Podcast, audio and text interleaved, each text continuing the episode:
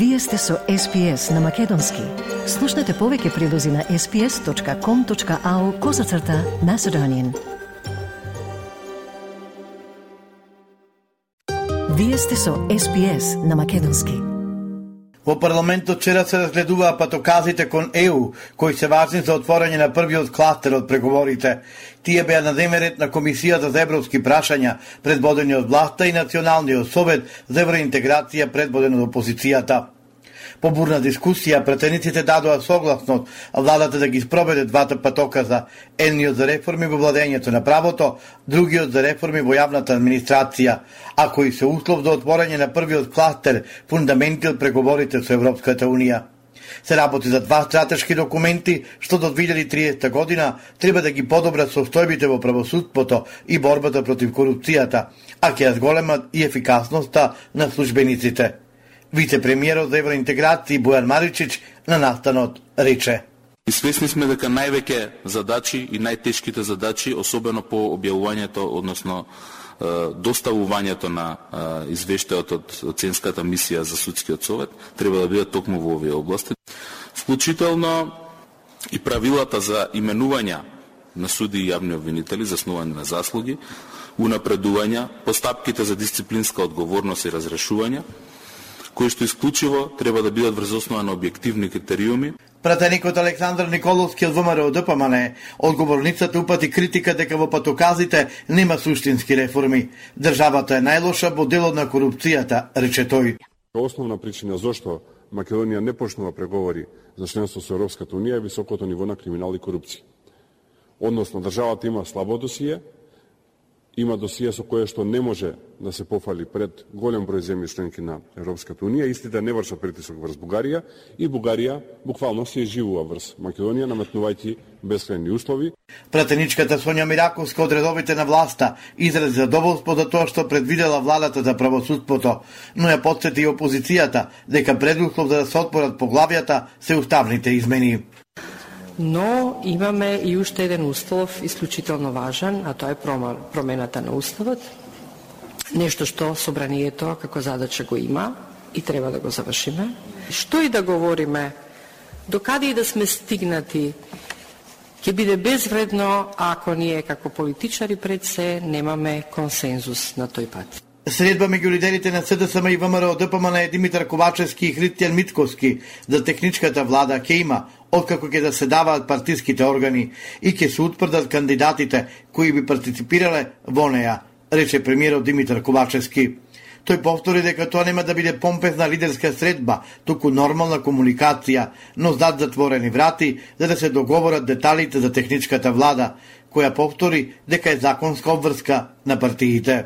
Тоа ќе биде откако партиските органи ќе заседаваат нормално, ќе има средба која што ја веќе кажав дека нема да биде најавувана преку медиуми, бидејќи такви средби не треба да се најавуваат преку медиуми, туку ќе биде еден нормален разговор за реализација на тоа што е определено согласно законот, односно распределба на ресорите во техничката влада, изгласувањето на таа техничка влада во собрание и подготовка за избори. Од ВМРО ДПМН е за Канал 5 вела дека досега нема добиено покана за средба со Ковачевски, а следните денови ќе ги соопштат конкретните чекори што ќе ги преземе партијата околу одлуката за номинирање представници во така наречената пржинска влада. Сепак учеството на опозицијската партија е се поизвестно, особено по изјавата на нивниот лидер Христијан Митковски, кој кажа дека ВМРО ДПМН треба да учествува во пржинската влада и на најави дека на состаноците на партиските тела ќе предложи да се номинираат министри и заменици, но како што рече, нема да гласаат за влада предводена од Тала Джафери. Председателот на движењето Беса и гроначалник на Тетово Билјал Касами во изјава за медиумите најави дека се можни протести ако не се дозволи да имат член од опозицијскиот политички блок кај партиите на албанците од Македонија во Државната изборна комисија. Но ако во секој случај председателот на собранието продолжува да ги да ги, да ги игнорира законите, ќе протестираме, ќе го искористиме сите наши демократски права за да не дозволиме не, да не дозволиме не фери не демократски избори да се организираат во Македонија. Министерката за култура Бисера Костадиновска Стојчевска јавно упати повик веднаш да се свика комисијата за култура во собранието и да се усвои предлог законот за употреба на македонскиот јазик, порачувајќи дека македонскиот јазик не е и нема да биде прашање за преговори или компромиси.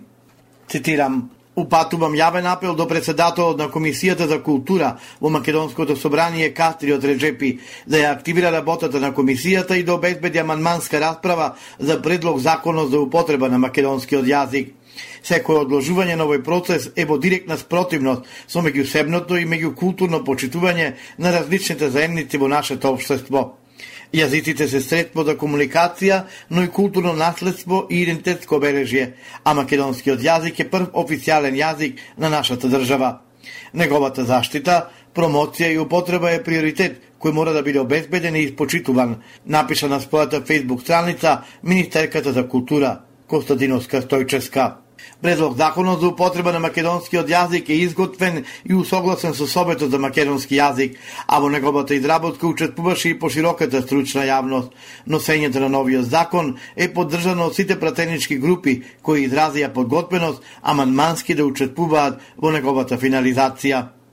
Уставниот суд се сомнева во уставноста и законитоста на одредбите за внесување графа со национална припадност во изводите од матичните книги на родените, умрените и венчаните.